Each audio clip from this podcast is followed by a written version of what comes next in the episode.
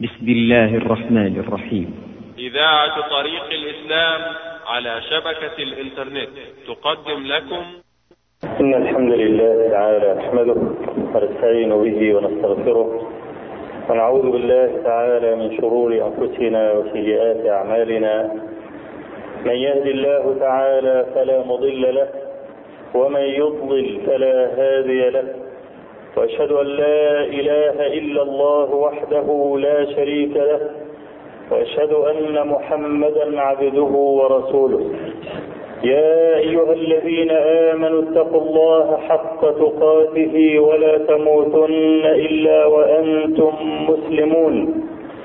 يا أيها الناس اتقوا ربكم الذي خلقكم من نفس واحدة وخلق منها زوجها وبث منهما رجالا كثيرا ونساء. واتقوا الله الذي تساءلون به والأرحام. إن الله كان عليكم رقيبا. يا أيها الذين آمنوا اتقوا الله وقولوا قولا سديدا. يصلح لكم أعمالكم ويغفر لكم ذنوبكم.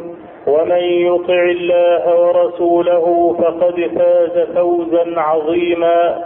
أما بعد فإن أصدق الحديث كتاب الله تعالى وأحسن الهدي هدي محمد صلى الله عليه وآله وسلم وشر الأمور محدثاتها وكل محدثة بدعة وكل بدعة ضلالة وكل ضلالة في النار.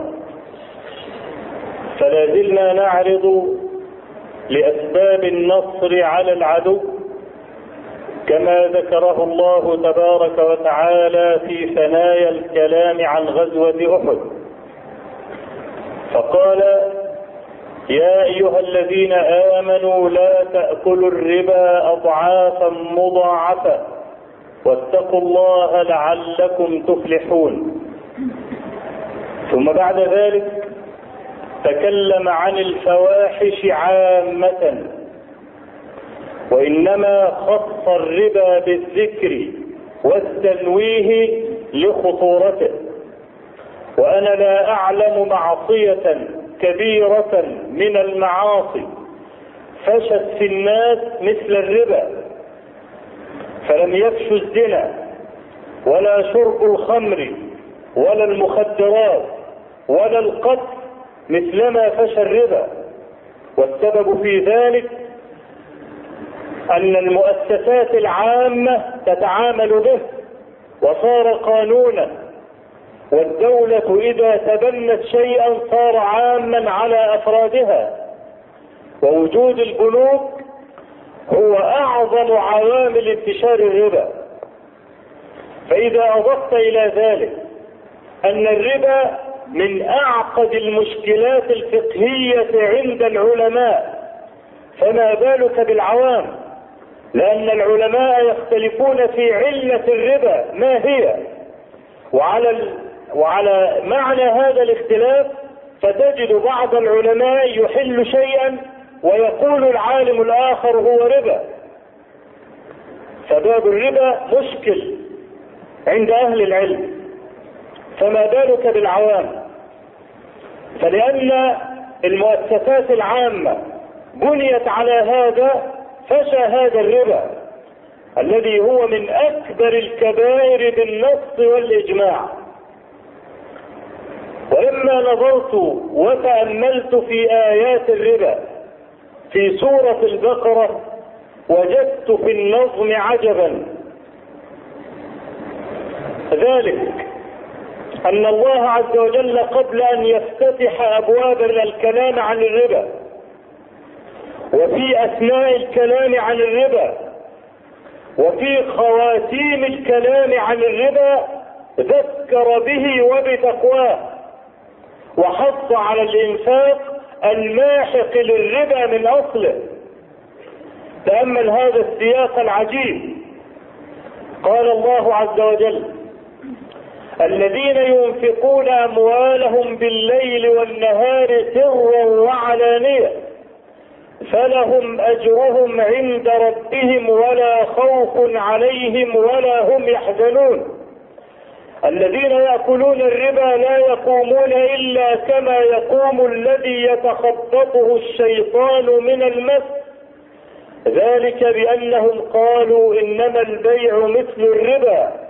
وأحل الله البيع وحرم الربا فمن جاءه موعظة من ربه فانتهى فله ما سلف وأمره إلى الله ومن عاد فأولئك أصحاب النار هم فيها خالدون. يمحق الله الربا ويربي الصدقات والله لا يحب كل كفار أثيم. ثم قال إن الذين آمنوا وعملوا الصالحات وأقاموا الصلاة وآتوا الزكاة لهم أجرهم عند ربهم ولا خوف عليهم ولا هم يحزنون.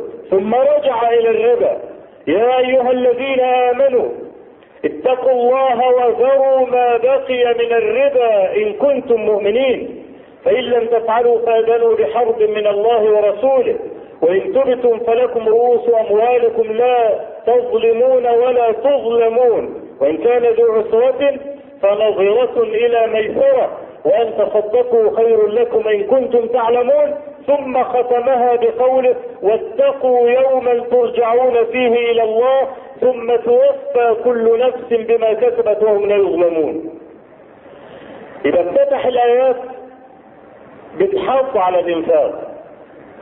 ثم كان في وسط الآيات بالحظ على الإنفاق أيضا وآتوا الزكاة. ثم ختم الآيات بتقوى الله والأمر به كما قال عز وجل في سورة آل عمران. يا أيها الذين آمنوا لا تأكلوا الربا أضعافا مضاعفة واتقوا الله. هذا الحق والتهييج الإيماني على ترك الربا له دلالته البالغة. لأنه لا ينجيك من الربا إلا الإيمان. والنفس طامعة إذا أطمعتها وإذا ترد إلى قليل تقنعه. من ذا الذي يكره المال ويكره الاستزادة من المال والدنيا جميعا مبنية على المال. وقال النبي صلى الله عليه وسلم يهرم الرجل وقلبه شاب في حب اثنتين حب المال وحب البقاء. يكره الموت ويحب المال.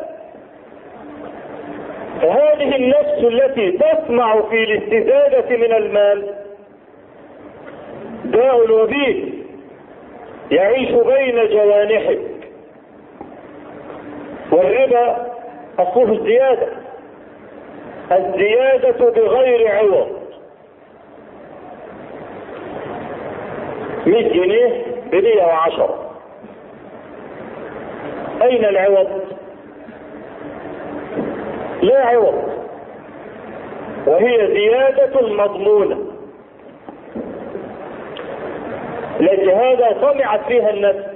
فلا ينجيك منها إلا الإيمان. لا جهادة قال الله عز وجل يا أيها الذين آمنوا اتقوا الله وذروا ما بقي من الربا إن كنتم مؤمنين. يا أيها الذين آمنوا إن كنتم مؤمنين. افتتحت الآية بذكر الإيمان وختمت بالتهييج على الإيمان لأنه كان في أساليب العرب إذا أراد الواحد أن يستثير نفس واحد يقول له إن كنت رجلا فافعل ذلك. فكأن قوله تعالى إن كنتم مؤمنين تهييج قد يكون الإيمان ساكن ساكنا عند إنسان ما. فهذا يهيجه. إن كنت مؤمنا حقا فذر الربا. ويرحم الله عمر بن الخطاب الذي قال كما رواه عبد الرزاق في مصنفه تركنا تسعة أعشار الحلال لباب من الربا. تسعة أعشار الحلال تترك بسبب عشر ربا. وطبقوا هذا تطبيقا عمليا اولهم عمر بن الخطاب. فحدث كما روى البيهقي في سننه عن محمد بن سيرين أن أبي بن كعب رضي الله عنه أهدى عمر بن الخطاب ثمار فاكهة من بستان له فردها عمر. فقال له أبي أترد علي ثمرتي وأنت تعلم أنني من أطيب أهل المدينة ثمرة؟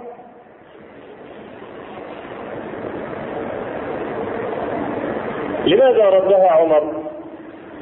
لأنه كان أسلف أبي بن كعب عشرة آلاف درهم فخشي أن تكون الهدية في مقابل القرض. مع أن هذا لا بأس به ما لم ينص عليه في أصل القول لا بأس به لأنه ثابت عن رسول الله صلى الله عليه وسلم أنه كان يأخذ صاعا ويرد صاعين. ويصف ذلك بحسن الأداء. الأصناف الستة الربوية التي يدخل فيها الربا الذهب الفضة الملح التمر الشعير البر البر والقمح. ودي الأصناف الستة التي يدخل فيها الربا بالاتفاق لأن عصب الدنيا عليها. فأي لعب فيها يضيع حياة الناس. لذلك نص عليها رسول الله صلى الله عليه وسلم. فإذا اقترض رجل منك صاع دقيق ولم يشترط عليك شيئا. أو اقترض منك ألف جنيه. ولم يشترط عليك شيئا فأحببت أن تردها إليه. فرددتها ألفا ومئة فهذا جائز بل مستحب طالما أنكما لم تتفقا في أصل العقد على الزيادة. جاي ياخد ألف جنيه؟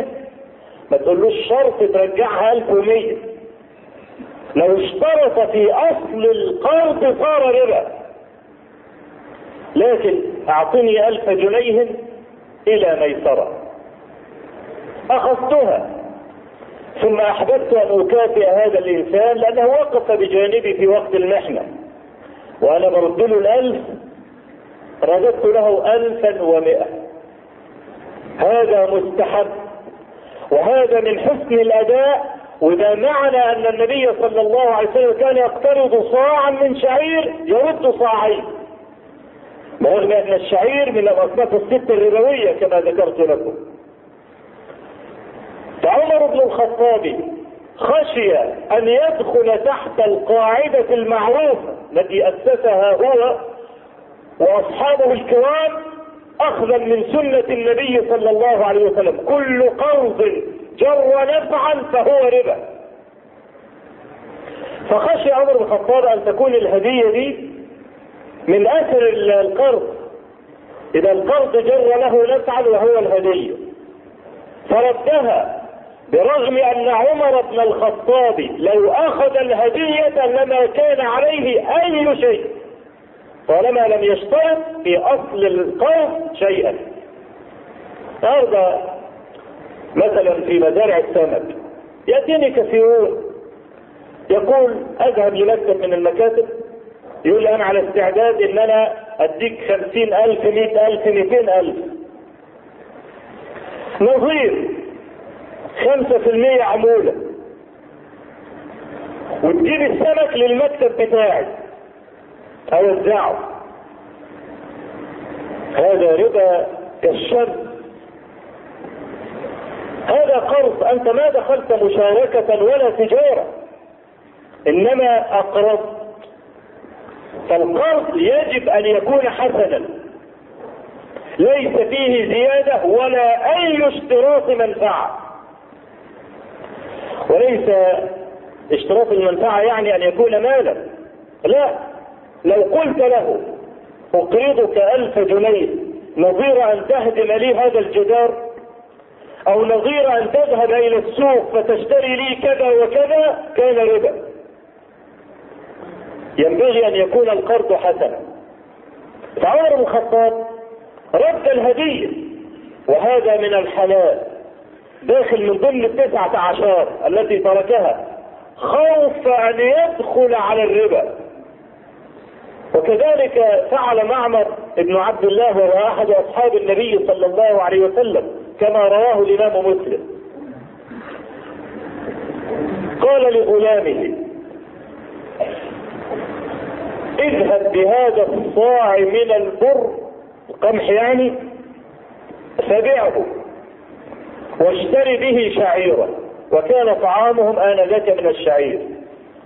طبعا القمح أغلى من الشعير يعني صاع من قمح يجيب صاع ونص مثلا من الشعير. خلي بالك من وصية معمر. قال اذهب فبعه ثم اشتري شعيرا. الغلام ذهب. قايض بادل على طول. فأتى بصاع وزيادة من الشعير. فلما رجع سأله معمر عن طريقة الايه البيع قال إني فعلت كذا وكذا. بدل على طول. قبل أن يبيع. قال له ولم فعلت ذلك؟ اذهب. فرده إلا أن يكون مثلا بمثل. طب النبي عليه الصلاة والسلام لما ذكر الاصناف الست الربوية الذهب الفضه الملح التمر البر الشعير قال الذهب بالذهب. مثلا بمثل يدا بيد. والورق بالورق والشعير بالشعير والملح بالملح والتمر بالتمر والبر بالبر. ثم قال وإذا اختلف الجنس فبيعوا ذهب بشعير ماشي. شعير بملح ماشي. بر بقمح ماشي إذا اختلف الجنس بيع. لكن الإشكال أن يتحد الجنس يبقى ذهب بذهب فضة بفضه شعير بشعير. لكن شعير بملح ماشي ما الذي فعله الغلام؟ ألم يبع برا بشعير؟ هذا جائز. ما الذي جعل معمر بن عبد الله صاحب النبي صلى الله عليه وسلم ينهاه عن ذلك؟ قال معمر مخافة أن يضارع أخشى أن يشبه الربا. مع أن هذا جائز ومع أن هذا حلال وهذا هو مذهب الجمهور من أهل العلم. إذا اختلف الجنس فبيعوا لا إشكال. ولا مع ذلك خشي أن يضارع أي أن يشابه الدخول في الربا. فتركه احتياطا وورعا وهذا هو عمل الإيمان. العمل المسائل كلها الإيمان واتقوا يوما ترجعون فيه إلى الله. فيوم يخاف يترك شيئا من الحلال إذا تاخمه حرام.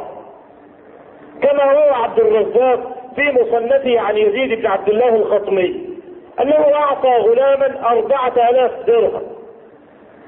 وذهب الغلام ليتاجر في أصفهان. وبعدين بلغه أن الغلام مات. فذهب ليقبض المال فوجده أربعا وعشرين الفا. فواحد كده همس في أذنه قال له الغلام ده كان يقارب أحيانا من البيوع الربويه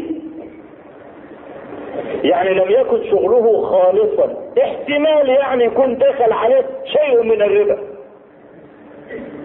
فماذا فعل يزيد؟ أخذ أربعة آلاف وترك عشرين الفا لهذه الكلمة. يترك عشرين الفا؟ مع أنه كان يمكن أن يقول ما لم يأتني هذا من بدليل قطعي أو من خبر صحيح فأنا في حلم. لكن هذا عمل الإيمان. كما حدث لأبي بكر الصديق رضي الله عنه على ما رواه البخاري في صحيحه من حديث عائشة رضي الله عنها. أن أبا بكر كان له غلام يؤدي إليه خراجة. خراج حاجة زي الجزية بيدفعها الغلام لسيده العبد بتاع سيده نتيجة العمل. يعمل سيده له في المكتب بتاعه نصيب. فكان أبو بكر الصديق يأكل من خراج هذا الغلام. فأتاه الغلام يوما بخراجه فأكل أبو بكر. فقال له الغلام تدري مما هذا الخراج؟ فلوس انت عارف أنا جبتها إزاي؟ قال لا. قال كنت تكهنت في الجاهلية لرجل. وما أحسن الكهانة فأعطاني هذا المال. تكهنت لرجل في الجاهلية يعني اشتغل كاهن ولا يحسن الكهانة. يقول له افتح لي إيدك سكتك ضلمة أو انت هتروح في الحتة الفلانية والحتة الفلانية. بيخمن كده. لا يحسن الكهانة. قال له طيب اتفضل قرشين هو ده اللي انت اكلته ده هو الخراج. قال فأدخل أبو بكر إصبعه في حلقه وقاع كل ما أكل. مع أنه بعدما أكل لا جناح عليه. لكن الذي فعل هذا هو الإيمان. لذلك نادى الله عز وجل المكلفين بصفة الإيمان في النهي عن الربا. يا أيها الذين آمنوا اتقوا الله وذروا ما بقي من الربا إن كنتم مؤمنين. عايزين ندخل على ال ال ال هذا الأمر العظيم من آيات سورة البقرة. لأن النهارده أباحوا التعامل مع البنوك بشبهات الجاهليين التي أهدرها الله عز وجل.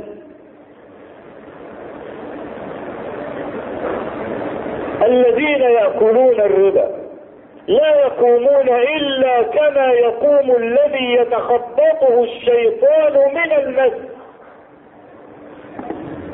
إنسان ليس موزونا. إنسان عقله في عاهة يفكر في الحصول على المال بطريقة تشبه من مس الجد. تشوف المصروع وتعرف إن ده مصروع مشيه غير متزن كلامه غير متزن حركاته غير متزنة كذلك المرابط كالمصروع ذلك بأنهم قالوا إنما البيع مثل الربا. وده الكلام اللي كثير من الناس يقولوا ما هو الفرق بين البيع والربا؟ كلاهما واحد. طب واحد إزاي؟ قال لك مية هسلفها بمية وعشرة. تقول لي ربا حرام. طيب بلاش.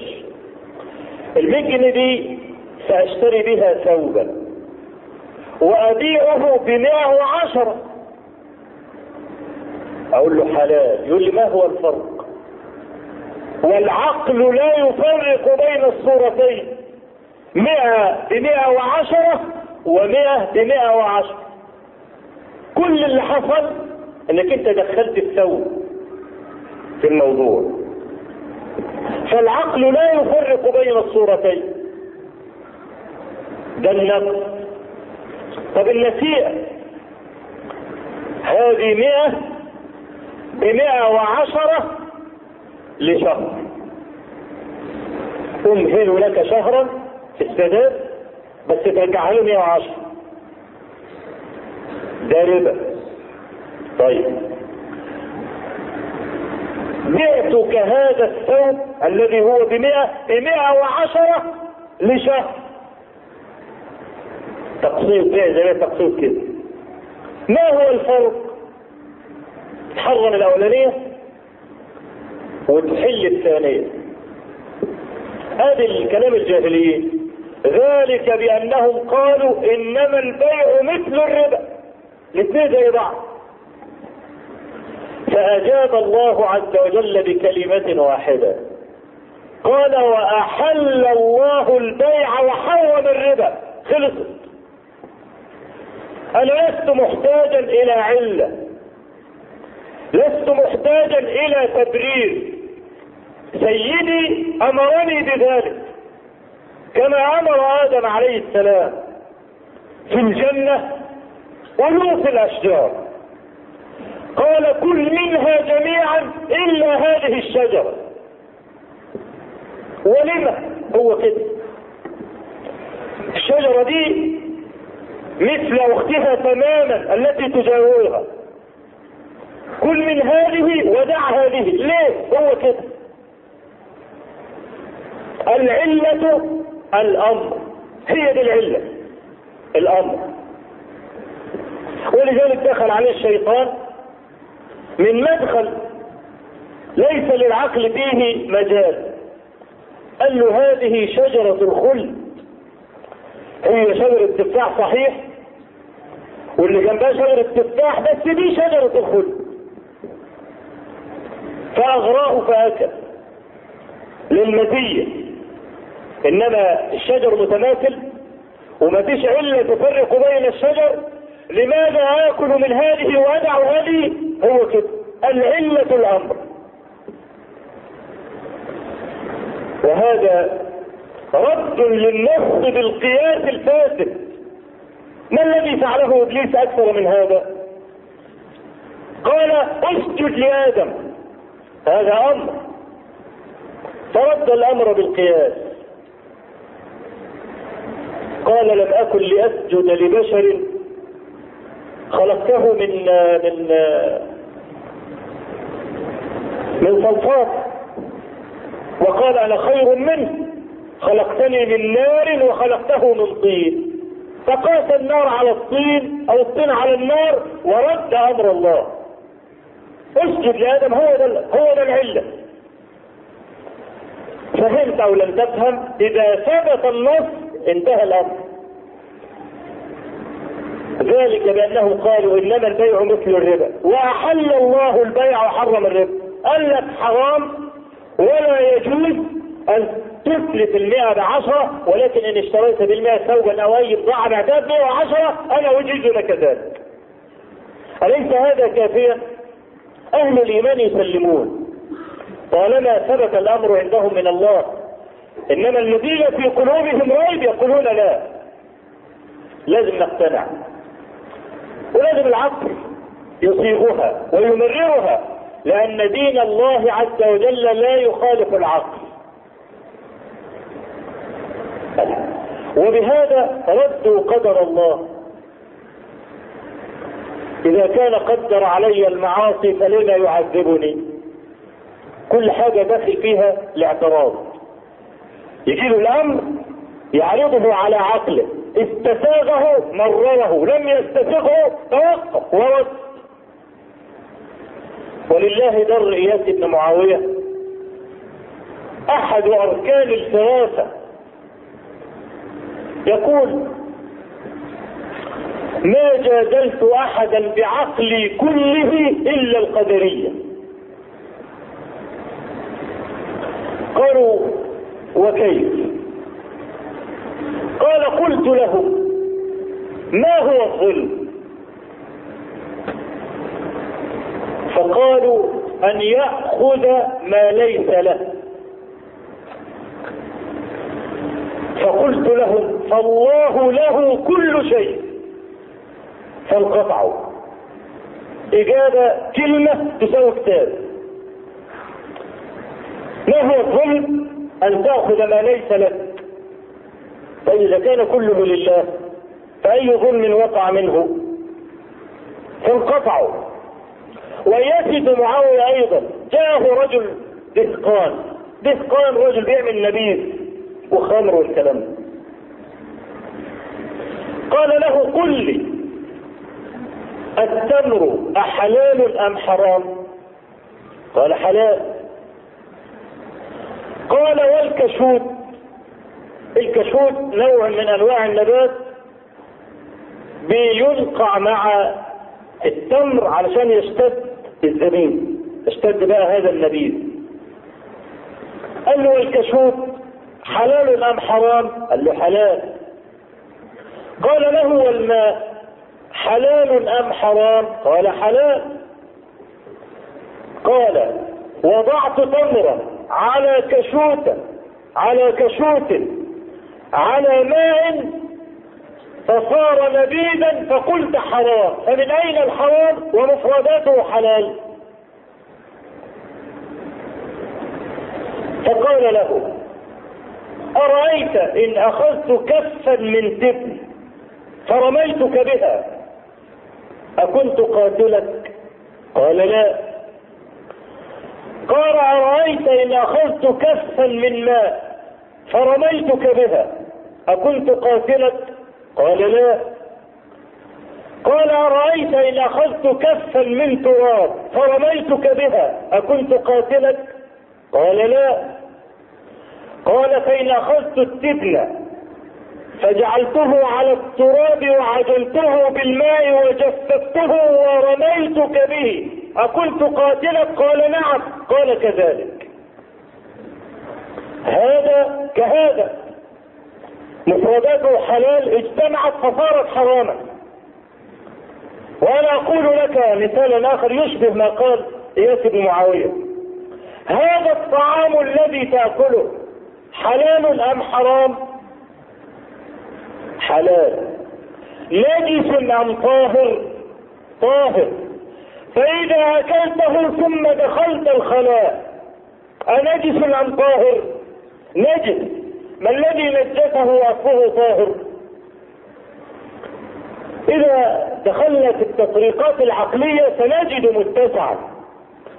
ولكن أهل الإيمان لا يتوقفون على فهم العقل للنص. قد يكون النص غير معقول المعنى. انت مأمور به على سبيل الاختبار. هو كده وخلاص. ليه؟ من غير ليه؟ هو كده. لا يستجيب لهذه القضية إلا أهل الإيمان. ذلك بأنهم قالوا إنما البيع مثل الربا. وأحل الله البيع وحرم الربا. ما هو الفرق بين البيع والربا؟ أن الربا حرام وأن البيع حلال. كل هذا عن أمر الله عز وجل. فمن جاءته موعظة فانتهى فله ما سلف. أنا بذكرك النهارده يا واضع مالك في البنك. وأقول لك قول جازم غير شاك ولا متنعف فوائد البنوك حرام قطعا. لا ريبة فيها البتة ولا نعلم عالما اتى بحلها قط. ومن افتى بحلها فليس بعالم. كل المجامع الفقهيه في القاهرة وفي جدة وفي الكويت وفي الأردن وفي قطر وفي غيرها من بلاد المسلمين في الدورات الفقهيه التي تعقد كل فترة أجمعوا على تحريم فوائد البنوك أنا عايز أرجعك بقى للأصل اللي أنت رفضت كثيرا من السنن بسبب لما كنا زمان نعرض أي سنة من السنن يقول يعني أنت صح. والناس كلها غلط. عايزين نصلي سنة المغرب القبلية. هو عندهم كده المغرب غريب والمغرب جوهرة تلتقطوها إلا اذانه الاقامة في نفس واحد. مع أن النبي صلى الله عليه وسلم قال صلوا قبل المغرب صلوا قبل المغرب صلوا قبل المغرب ثم قال لمن شاء. فليه تحرمنا إن أنا أصلي ركعتين قبل المغرب؟ عايزين نصلي ركعتين قبل المغرب. يا جماعة النبي صلى الله عليه وسلم قال كذا وكذا وسنة. يقول يعني انت اللي عرفتها وكل الناس دي جهلة. ما تعرفش. فجعلوا الحق بالكيلو. بالكيلو. 100 واحد يوزنوا واحد. طيب أنا عايزك تستخدم الأصل ده هنا بقى. كل المجامع الفقهية قالت ربا البنوك حرام. ما عدا واحد. أو اثنين أو ثلاثة اوزن اوزن زي ما توزن طول عمرك. يبقى كل دول ما بيفهموش. والاثنين دول اللي بيفهموا. فينبغي عليك أن تحذر عقاب الله. شيل أموالك في البنوك فورا. عندما تسمع هذا الكلام. كان قلبك يتحرك بالإيمان فمن جاءه موعظة من ربه فانتهى فله ما سلف. وأمره إلى الله. له ما سلف العلماء لهم تفسيرين في هذه في هذه الآية. منهم من قال له ما سلف أي ذنبه ساقط. لما أكل الربا ليس عليه ذنب. والكلام ده فيه نظر. ليه؟ لأن المخاطبين بهذا هم المسلمون الأوائل الذين كانوا يرادون قبل نزول تحريم الربا. ومن فعل الشيء قبل نزول تحريمه فلا جناح عليه. ألا ترى أن الصحابة كانوا يشربون الخمر في صدر الإسلام. كما في حديث أنس رضي الله عنه في الصحيحين. قال كنت أسقي عبد الرحمن بن عوف وطلحة بن عبيد الله وجماعة حتى جاء جاء فقال حرمت الخمر. كنت عارفين الخمر حرمت على ثلاثة مراحل. لم تحرم دفعة واحدة. إذا كانوا يصلون وهم يشربون. فلما جاء تحريم الخمر لا يقال من شربها قبل ذلك فهو آثم. لا. لا إثم قبل التحريم ولا إثم قبل الإسلام. كان كافرا يرابي في الجاهلية. أسلم قال صلى الله عليه وسلم الإسلام يهدم ما قبله. الإسلام يهدم ما قبله. فممكن واحد يقول والله الكلام ده جميل لكن في مشكلة. والمشكلة في حديث ابن مسعود الذي رواه الشيخان أن رجلا جاء إلى النبي صلى الله عليه وسلم وقال يا رسول الله أرأيت أعمالنا في الجاهلية أن يؤاخذ بها؟ فقال له من أحسن في الإسلام لم يؤاخذ بها.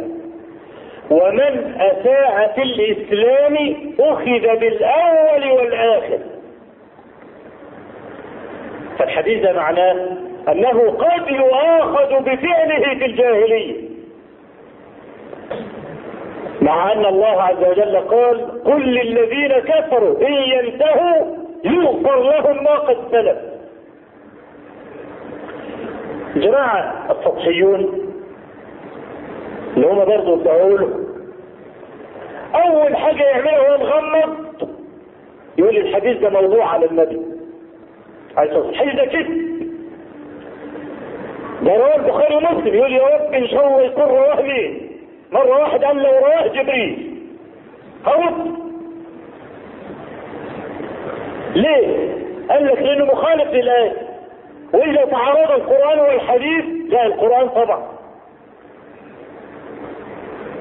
كل الذين كفروا إن ينتهوا يغفر لهم ما قد سلف ده نص قطعي يؤيده قول النبي صلى الله عليه وآله وسلم الإسلام يجب ما قبله. طيب ما ننظر ماذا قال أهل العلم في تأويل هذا الحديث؟ قال أهل العلم لا نعلم معنى لهذا الحديث إلا أن تكون السيئة الواردة في الحديث هي الكفر. يبقى نفهم الحديث على المعنى التالي من أحسن في الإسلام أي دام على إسلامه. ومات مسلما لم يؤاخذ بما عمل في الجاهلية. ومن أساء في الإسلام أي كفر بعد إسلامه أخذ بالأول والآخر لأن الردة تحبط العمل. تسقطه كما لو لم يفعل شيئا وبقي على كفره الأول. بل بلغ من رحمة الله عز وجل أن من فعل خيرا في كفره فأسلم وظل على عقد الإسلام حتى يموت أعطاه الله عز وجل جزاء ما أحسن في الجاهلية وهو كافر. الدليل على ذلك حديث حكيم بن حزام أنه قال يا رسول الله كنت أعمل أعمالا في الجاهلية. كان يعتكف في المسجد الحرام. كان يخر الضيف وكان يتصدق.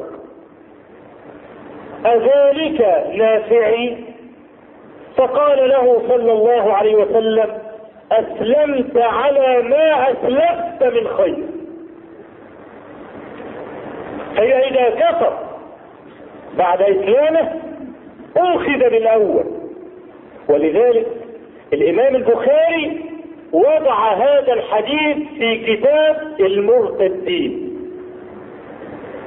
ليدلك على أن هذا الحديث المقصود بالمرتد.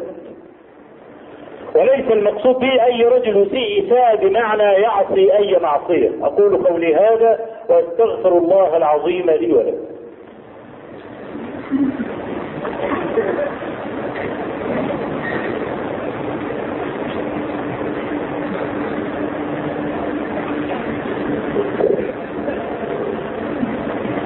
الحمد لله رب العالمين.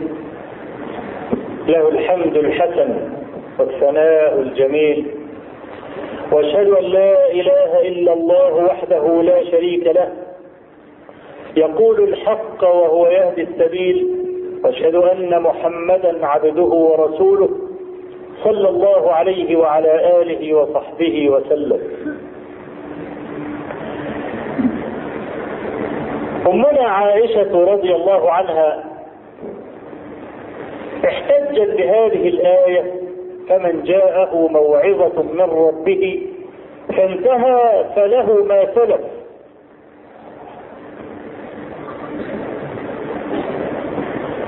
جاءتها امرأة أبي إسحاق السبيعي واسمها العالية.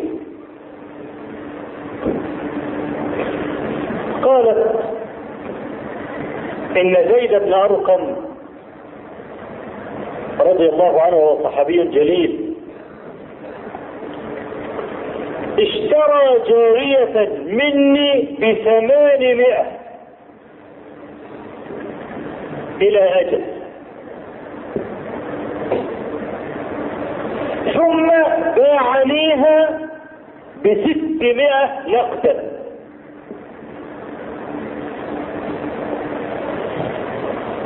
فقالت بئسما شريت واشتريت. أبلغي زيدا. أنه قد بطل جهاده مع رسول الله صلى الله عليه وسلم إلا أن يتوب. فقالت يا أم أفلا آخذ رأس مالي؟ قالت لا بأس بذلك. ثم تلت قوله تعالى فمن جاءه موعظة من ربه فانتهى فله ما سلف.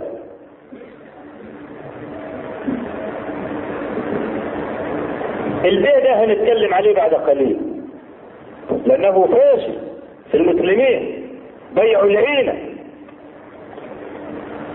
نتمم الكلام على المعنى الثاني من فله ما سلف. فله ما سلف ليس معناه ما سلف من أكله الربا قبل الإسلام. الكلام ده ضعيف. المعنى الثاني هو الصحيح. فله ما سلف من أكل الربا ولا يرده إلى الذي راد معه. ادي معنى الكلام. رجل لم يكن عالما بالتحريم أو بأن هذه الصورة ربا. أو كان كافرا. لا نلزمه أن يرد الزيادة التي أخذها من الربا إلى صاحبها. خلاص. له ما سبب لكن من وقت علوم من وقت علمه بالتحريم لا يحل له. بيع العين اللي إحنا تكلمنا عنه منذ قليل. رجل يشتري سلعة من رجل إلى أجل. شهر شهرين سنة سنتين. زي ما بيسموها نظام الحرق يحرقوا البضاعة. بس حرق البضاعة ده على نوعين. في نوع منه حرام قطعا ونوع مختلف فيه هو الراجح حله راجل عليه شيكات ولازم يسد وإلا هيدخل السجن مفيش فلوس. يعمل إيه؟ يروح أي محل سيارات يشتري سيارة. بالقسط. السيارة دي بمئة ألف. ياخدها بمئة ألف. ويطلع يبيعها بثمانين. نقدا ويقبض الثمانين ويسد لك تسرق شهر شهرين ثلاث شهور على ما يحل معاك. الدفعة الثانية أكون اتصرفت هي دي الصورة الجائزة. تشتري العربية والسيارة من محل يبيعها لواحد تاني خالص. خلاص؟ ده كما قلت مختلف فيه والراجح حلو. ويسميه العلماء بيع التورق. طيب لو هو راح لصاحب المحل فقال له أنا عايز أشتري العربية دي بمئة ألف لمدة أربع سنين.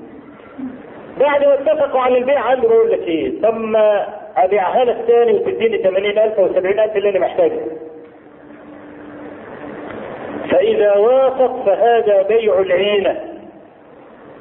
انك انت تشتري البضاعة بالأجل وتبيعها نقدا لنفس الذي اشتريت منه. ده محرم وهذا سبب الخراب. قال صلى الله عليه وسلم كما رواه أبو داود وغيره من حديث ابن عمر إذا تبايعتم بالعينة بالصورة دي وأخذتم اذناب البقر ورضيتم بالزرع وتركتم الجهاد في سبيل الله سلط الله عليكم ذلا لا ينزعه عنكم حتى ترجعوا إلى دينكم. تعرف اللي بيشبه المسألة دي؟ مجرد شبه يعني ما يقع فيه أكثر نساء المسلمين. لما يروحوا محل الذهب عشان تغير الذهب القديم وتجيب ذهب جديد. إيه اللي بيحصل في المحلات؟ تنوزن الغويشة دي. وزنها. الغويشة دي 20 جرام طيب أنا عايز أشتري الغويشة دي. الغويشة دي 20 جرام. طيب الفرق كام؟ قد كده. كام هذا هو الربا بعينه. لا يحل مطلقا. هذه الصورة من البيع. لأن النبي صلى الله عليه وسلم قال الذهب بالذهب مثلا بمثل. فيش حاجة اسمها ذهب جديد وقديم. كله في ميزان الشرع ذهب. فيبقى عشرين جرام بعشرين جرام وادفع الفرق هو ده الربا. لأن النبي عليه الصلاة والسلام قال مثلا بمثل لا يزيد سلسا واحدة. طيب طب نعمل إيه؟ قال لك تدخل الأول تبيع الذهب القديم. وتقبض الثمن. وتمسكه في إيدك. يبقى تمت البيعة الأولانية اشتري بقى. اشتري شراعا جديدة. هو يقول لك طب إيه الفرق؟ العقل بيقول أنه لا فرق أن تكون النقود في يدي أو في درج المحل. هو البائع يعني هو المشتري هياخدها ويطير طب ما هو راجل معترف ان أنا ليا عنده 500 جنيه ما هو الفرق؟ أنتم ظاهريون أنتم بتاع بتتلككوا شايلين شغلانة نفس كلام المشركين إنما البيع مثل الربا إيه الفرق؟ ما ورد في الجواب عن هذا الكلام هو عينه الذي ورد في الجواب عن هذه الشبهة. تاخد فلوسك في إيدك عشان يبقى اسمها البيعة تمت وأقول لك شيئا آخر. اخرج من المحل. ولو أن تقف على الباب ثم تدخل. طب ليه؟ لقوله صلى الله عليه وسلم البيعان بالخيار ما لم يتفرقا. فإذا تفرقت الأبدان فقد تم البيع. لو أنت عايز تبيع تخلص؟ طب واحد متردد يقول لك أبيع ما بيعش خليك واقف. لأن وقوفك في المحل يجعل لك رخصة في أن ترجع في البيع. ممكن يخطر على بالك بعد ما بعت الكلام تقول له معلش يا عم أنا راجع في البيع. ما يقدرش يقول لك لا أنت بعت. شرعا طبعا خلاص؟ لكنه إذا خرج من باب المحل وقف على الرصيد فقد افترقت الابدان وتم البيع. تصبح المسألة كلها في يد المشتري. هو بقى يرجع لك ما يرجع لك هيرجع له هو. لكن أنت لا تلزمه. إذا تفرقت الابدان خلاص؟ يبقى كده تم البيع كله. تدخل بقى تشتري اللي أنت عايزه. بعض علمائنا. علشان يدفع الوسواس عنك وما تقعدش تقول طب إيه الفرق؟ ما هو درج المحل زي إيدي. قال لك بيع في محل واشتري من محل آخر. عشان الوسوسه بتاع بيع العيلة والكلام ده تبقى راحت من عندك. لكنك إذا فعلت ما ذكرته لك لم يكن عليك جناح. فعلى جميع المسلمات المؤمنات أن يتقين الله عز وجل ويحذرن هذه الصورة من البيع من بيع الذهب. فمن جاءه موعظة من ربه فانتهى فله ما سلف وأمره إلى الله. ومن عاد بعد علمه بالتحريم ووصوله كلام الله عز وجل فأولئك أصحاب النار وفيها خالدون. ف... وللحديث بقية لا بقية بعد الصلاة إن شاء الله. اللهم اغفر لنا ذنوبنا وإسرافنا في أمرنا وثبت أقدامنا وانصرنا على القوم الكافرين اللهم اجعل الحياة زيادة لنا في كل خير واجعل الموت راحة لنا من كل شر. اللهم قنا الفتن ما ظهر منها وما بطن. اللهم لا تجعل الدنيا أكبر همنا ولا مبلغ علمنا ولا تجعل مصيبتنا في ديننا ولا تسلط علينا بذنوبنا من لا يخافك ولا يرحمنا. رب آت نفوسنا تقواها وزكها أنت خير من زكاها أنت وليها ومولاها. اللهم اغفر لنا هزلنا وجدنا واخطأنا وعمدنا وكل ذلك عندنا.